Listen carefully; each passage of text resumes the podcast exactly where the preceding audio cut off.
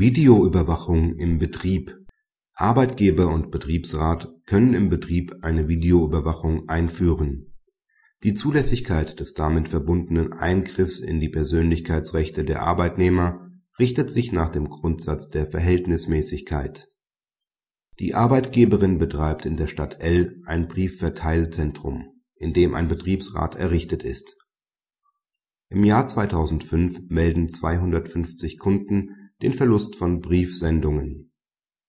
Im Briefverteilzentrum in L besteht eine Betriebsvereinbarung über mögliche Tür und Taschenkontrollen in zwei Fällen mit konkreten Verdachtsmomenten gegen bestimmte Arbeitnehmer stimmt der Betriebsrat sogar der vorübergehenden Installation einer verdeckten Videokamera zu.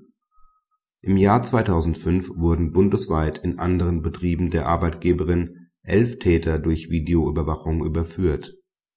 Die Betriebsparteien verhandeln erfolglos über die dauerhafte Installation einer stationären Videoüberwachungsanlage die angerufene Einigungsstelle beschließt eine Betriebsvereinbarung zum Einsatz einer entsprechenden Anlage mit der Möglichkeit der Videoüberwachung im Innen und Außenbereich des Betriebs sowie der Videoaufzeichnung.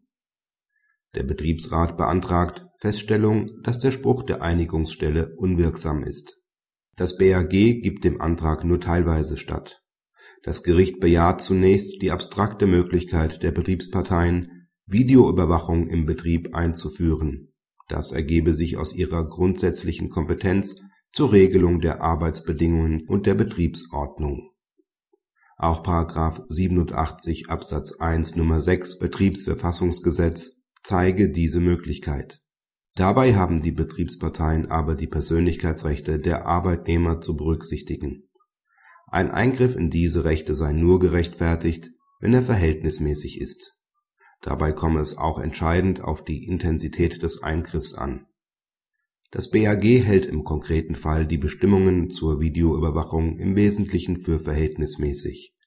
Insbesondere sei die Videoaufzeichnung geeigneter zur Aufklärung von Straftaten als ein bloßes Bildschirmmonitoring. Unwirksam sei jedoch die Regelung, wonach die Überwachung auf den gesamten Betrieb ausgedehnt werden kann wenn sich die Überwachung allein in einem Betriebsbereich, in dem ein konkreter Verdacht besteht, als erfolglos herausstellt. Damit würden alle Arbeitnehmer von der Überwachungsmaßnahme betroffen, nicht nur jene, die im verdachtsbelasteten Betriebsbereich tätig sind. Die Intensität des Eingriffs sei ungleich höher. Selbst eine zeitliche Begrenzung könne die komplette Überwachung des Betriebs dann nicht rechtfertigen. Effektiv nähere sich ein solcher Eingriff einer unbegrenzten und verdachtsunabhängigen Totalüberwachung der gesamten Belegschaft an. Praxishinweis Entscheiden sich die Betriebsparteien für den Einsatz umfangreicher Überwachungstechnik, haben sie mit Bedacht abzuwägen, in welchem Maße welche Methoden eingesetzt werden können, ohne dass Rechte der Arbeitnehmer verletzt werden.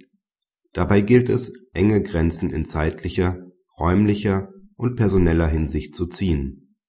Jede Regelung, die faktisch zu einer Totalüberwachung führen kann, dürfte unwirksam sein